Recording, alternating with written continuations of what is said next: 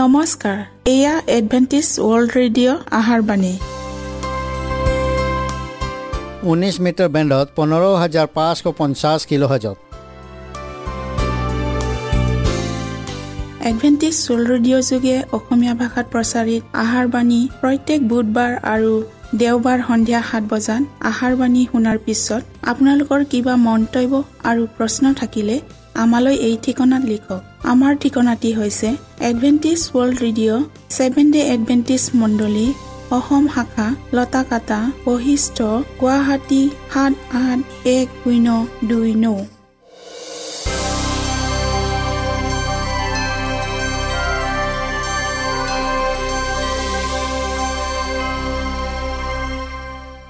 প্ৰিয় শ্ৰোতা বন্ধুসকল এতিয়া শুনো আহক এটি খ্ৰীষ্টীয় ধৰ্মীয় গীত।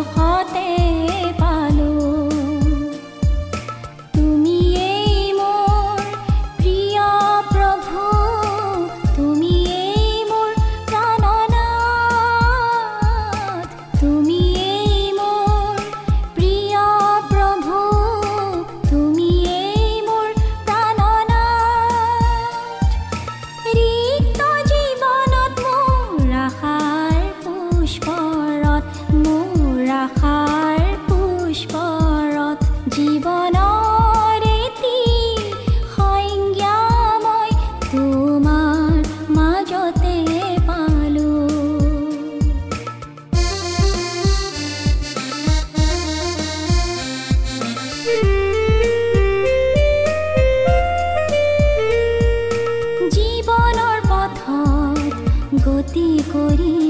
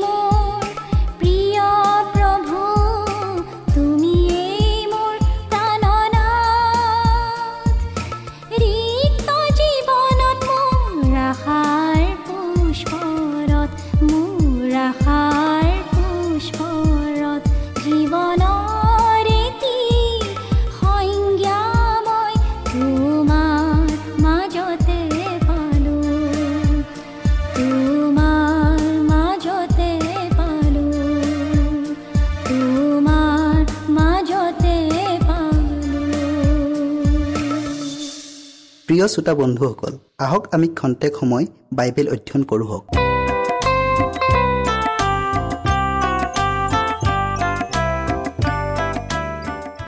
যীশুৱে কৈছে ময়েই বাট সত্য আৰু জীৱনো। মোৰ যোগেদি নগ'লে পিতৃৰ ওচৰলৈ কোনো নাযায়। বাইবেলৰ এই বচন পঢ়ি বহুতৰ মনত প্ৰশ্ন উঠে এই বুলি যে অৱতাৰ কেৱল এজনেই নেকি? অৱতাৰ কেইবাজনো নাছিল জানো? যুগে প্ৰতি এজনকৈ তেওঁলোকৰ অবিৰ্ভাৱ নহয় জানো? পাপৰ পৰিণাম আৰু তাৰ উচিত বিচাৰ আৰু দণ্ড সকলো মানৱৰ একেদৰেই চিন্তা কৰিবলগীয়া সমস্যা। গতিকে এজন অৱতাৰেই সমুদায় জগতৰ পাপ সমস্যাৰ মীমাংসা ভাৰ বহন কৰিব পাৰে। যীশুখ্ৰীষ্টীয়ৰ আন এটা নাম হৈছে ইমানুৱেল অৰ্থাৎ আমাৰ লগত ঈশ্বৰ। তেওঁ ঈশ্বৰৰ সাদৃশ আছিল। তেওঁৰ মহিমা আৰু প্ৰভাৱৰ প্ৰতিমূৰ্তি আছিল। তেওঁ জ্যোতি আছিল। ঈশ্বৰৰ প্ৰেমৰ পোহৰ বিস্তাৰ কৰি আমাৰ লগত ঈশ্বৰ হবলৈ তেওঁ এই পাপে অন্ধকাৰ কৰি থোৱা পৃথিৱীলৈ আহিল। এই নিমিত্তেই তেওঁৰ নাম ইমানুৱেল হ'ব। তেওঁৱেই ঈশ্বৰৰ বাক্য আছিল।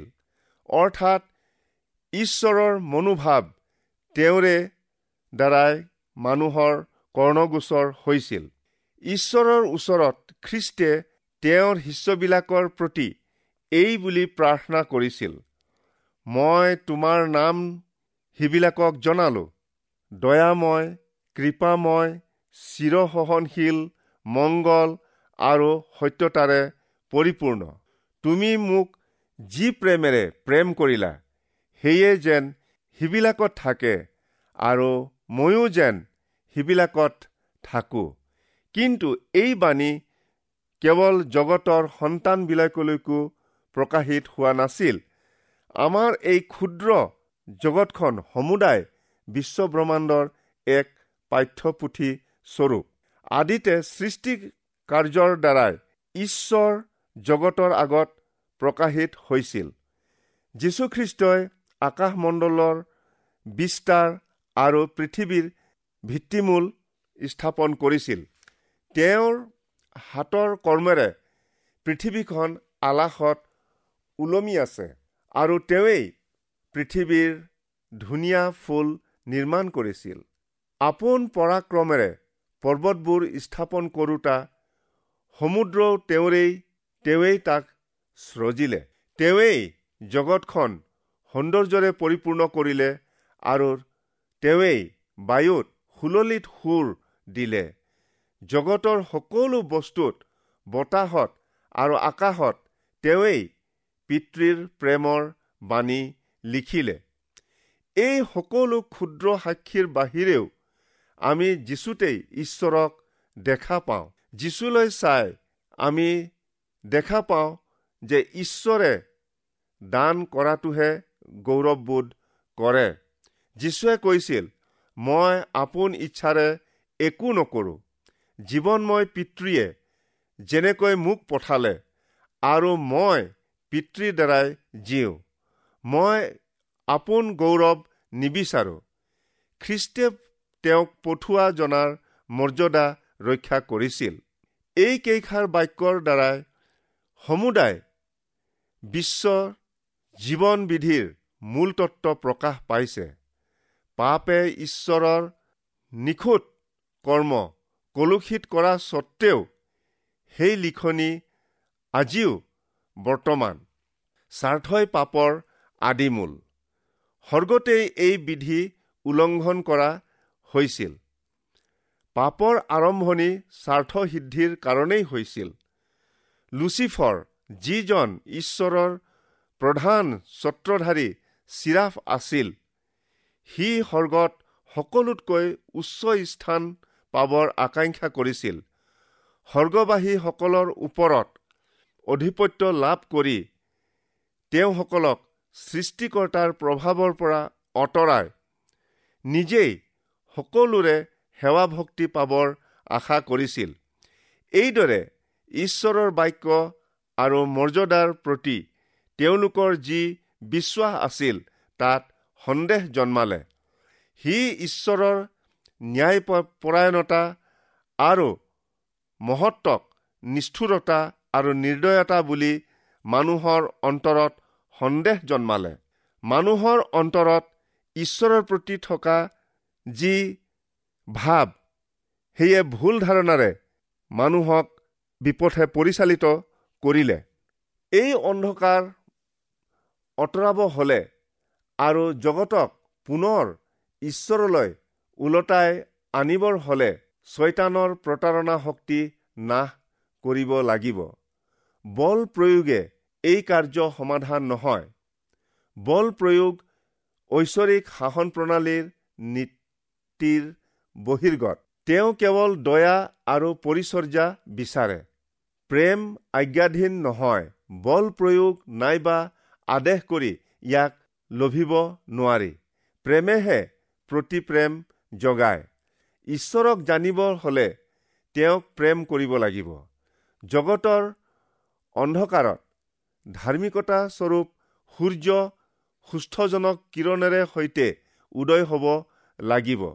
ছয়তানে কৈছিল মই সৰ্গলৈ উঠি ঈশ্বৰৰ তৰাবোৰৰ ওপৰত মোৰ সিংহাসন ওখ কৰি স্থাপন কৰিম। মই সৰ্বোপৰিজনাৰ তুল্য হ'ম।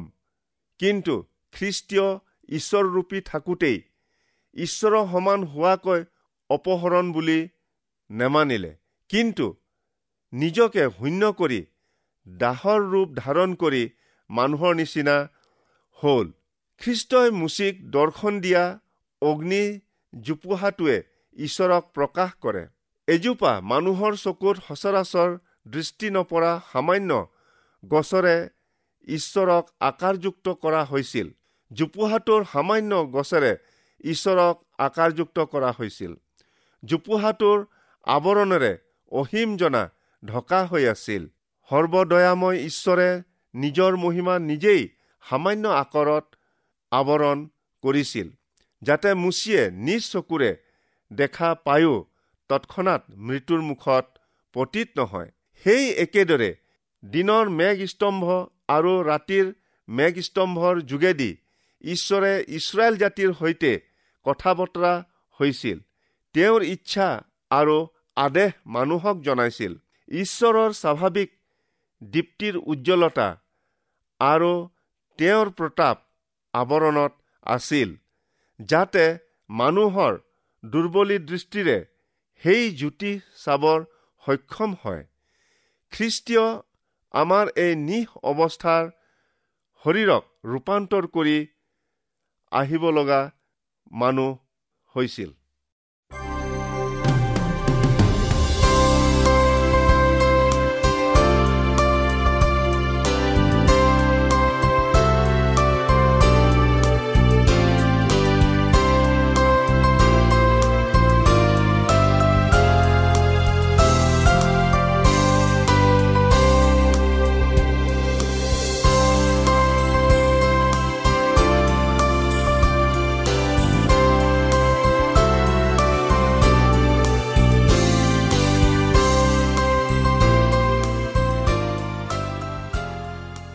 ঈশ্বৰে মুচিৰ দ্বাৰাই ইছৰাইল জাতিলৈ এই আদেশ দিছিল। আৰু মই সিবিলাকৰ মাজত বাস কৰিবৰ নিমিত্তে সিবিলাকে মোৰ অৰ্থে এটা ধৰ্মধাম নিৰ্মাণ কৰক। তেওঁ আপোন লোকবিলাকৰ মাজত থকা সেই ধৰ্মধামত নিবাস কৰিছিল। সুদীৰ্ঘকাল মাজত থকা সেই ধৰ্মধামত নিবাস কৰিছিল। সুদীৰ্ঘকাল মৰুভূমিৰ মাজত ঘূৰি ফুৰি থকাৰ সময়ত তেওঁৰ উপস্থিতিৰ এই আৱাস মন্দিৰ সিবিলাকৰ লগত আছিল। সেইদৰে খ্ৰীষ্টে সমুদায় মানৱ জাতিৰ শিবিৰৰ মাজত আৱাস তম্বু স্থাপন কৰিলে। তেওঁ নিজৰ তম্বু মানুহৰ একে শাৰীত তৰিলে যাতে তেওঁৰ ঐশ্বৰিক স্বভাৱ আৰু জীৱনৰ বিষয়ে মানুহে ভালকৈ অনুভৱ কৰিব পাৰে। শাস্ত্ৰত কৈছে সেই বাক্য মাংস হ'ল আৰু অনুগ্ৰহ আৰু সত্যতাৰে পৰিপূৰ্ণ হৈ আমাৰ মাজত বসতি কৰিলে। তাতে পিতৃৰ একেজাত পুত্ৰৰ উপযুক্ত যি প্ৰভাৱ সেই প্ৰভাৱ আমি শুনিলোঁ। যীশুৱে ছয়তানৰ অসত্যতাৰ উন্মোচন কৰিবলগীয়া হৈছিল। আমাৰ দৰে মানুহ হয় তেওঁ বাধ্যতাৰ এটা মহৎ আদৰ্শ দেখুৱাবলগীয়া হ'ল। যীশুখ্ৰীষ্টিয়ে অভিজ্ঞতা নোপোৱা ভাৰ আমি বহন কৰিবলগীয়া হোৱা হলে মানুহক তৰিবৰ ঈশ্বৰৰ সম্পূৰ্ণ ক্ষমতা নাই বুলি ছয়তানে দাবী কৰিলেহেঁতেন। সেইকাৰণেই যীশুখ্ৰীষ্টীয় বিনা পাপে সকলো বিষয়ত আমাৰ দৰে পৰীক্ষিত হৈছিল। তেওঁ মানুহ অৱস্থাত পৰোপকাৰ কাৰ্য কৰি ফুৰোতে আৰু ছয়তানৰ দ্বাৰাই উৎপত্তি হোৱা ৰোগ ব্যাধি সুস্থ কৰোঁতে ঈশ্বৰৰ বিধানৰ মূল অৰ্থ আৰু তেওঁৰ পৰিচৰ্যাৰ আদৰ্শ মানুহৰ আগত স্পষ্টকৈ দেখুৱালে।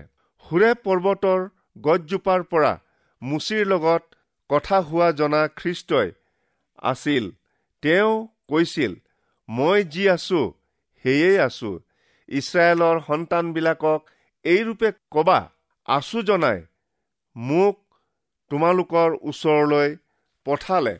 গতিকে তেওঁ যেতিয়া মানুহৰূপী হৈ আহিল তেতিয়া তেওঁ মই আছো বুলি চিনাকি দিলে। বৈতলেহেমৰ সন্তান নম্ৰ আৰু সৰল চিতীয়া ত্ৰাণকৰ্তা যি তেওঁ তেওঁৱেই ঈশ্বৰ। তেওঁক মাংসত প্ৰকাশ কৰা হ'ল। আমালৈ তেওঁৰ বাণী এই ময়েই মেৰৰ সজৰখীয়া জীৱনময় আহাৰ ময়েই ময়েই বাট সত্য আৰু জীৱনো স্বৰ্গত আৰু পৃথিৱীত সকলো ক্ষমতা মোক দিয়া হ'ল। মই আছো মই আছো ভয় নাই অৰ্থাৎ ঈশ্বৰ আমাৰ লগত আছে। আমাৰ অধৰ্মবোৰৰ নিমিত্তে তেওঁক খোচা হ'ল। আমাৰ শান্তিজনক শাস্তি তেওঁৰ ওপৰত পৰিল আৰু তেওঁক গাৰ সাজ বহা কোবৰ দ্বাৰাই আমি সুস্থ হলো। তেওঁ আমাৰ প্ৰাপ্য মৃত্যুৰ যাতনা ভুগিলে যিহতে আমি তেওঁৰ অনন্ত জীৱনৰ ভাগি হওঁ। পাপৰ পৰিণাম মৃত্যু আৰু সৰ্বনাশৰ পৰা উদ্ধাৰ কৰাৰ উপৰিও আৰু মহৎ কাৰ্য সমাধা কৰিলে। ঈশ্বৰ আৰু মানুহৰ মাজত অনন্তকলীয়া বিচ্ছেদ ঘটাবলৈ ছয়তানৰ উদ্দেশ্য আছিল। কিন্তু খ্ৰীষ্টৰ দ্বাৰাই আমি ঈশ্বৰে সৈতে পতনৰ পূৰ্বতকৈও বেছি ওচৰ সম্বন্ধীয়া হলো। মুক্তিৰ কাৰ্য সম্পূৰ্ণ হ'ব। পাপে হেঁচা মাৰি থকা ঠাই ঈশ্বৰৰ অনুগ্ৰহ প্ৰভাৱেৰে পৰিপূৰ্ণ হৈছে। পৃথিৱীখন যিখন ঠাই ছয়তানে নিজৰ বুলি দখল কৰিছে। অকল যে মুক্ত হ'ব এনে নহয় কিন্তু অধিক গুণে উচ্চ কৰা হ'ব। সমুদায় বিশ্ব ব্ৰহ্মাণ্ডৰ মাজত আমাৰ এই পাপেৰে কলংকিত হোৱা ক্ষুদ্ৰ জগতখনে সকলোতকৈ বেছি সন্মানৰ আসন পাব। ইয়াতেই যত ঈশ্বৰৰ পুত্ৰ অৰ্থাৎ যীশুখ্ৰীষ্টই মনুষ্যৰ মাজত বাস কৰিছিল। যত প্ৰতাপী ৰজাই জন্ম লৈ অযথা দুখ ক্লেশ সহ্য কৰি মৃত্যু যাতনা ভুগিছিল ইয়াতেই যেতিয়া তেওঁ সকলোকে নতুন কৰিব তেতিয়া ঈশ্বৰৰ ধৰ্ম মন্দিৰ মানুহৰ মাজত স্থাপিত হ'ব। তেওঁ সিবিলাকক সৈতে নিবাস কৰিব। সিবিলাক তেওঁৰ সন্তান হ'ব। ঈশ্বৰ নিজে সিবিলাকৰ লগত থাকিব। আৰু সিবিলাকৰ ঈশ্বৰ হ'ব। সদাকাললৈকে যেতিয়া মুক্ত মানুহবিলাকে প্ৰভুৰ পোহৰত অহা যোৱা কৰিব তেতিয়া তেওঁবিলাকে তেওঁৰ যি মহৎ দান ইমানুৱেল অৰ্থাৎ আমাৰ লগত ঈশ্বৰ এই দানৰ অৰ্থে ঈশ্বৰৰ স্তুতি কৰিব।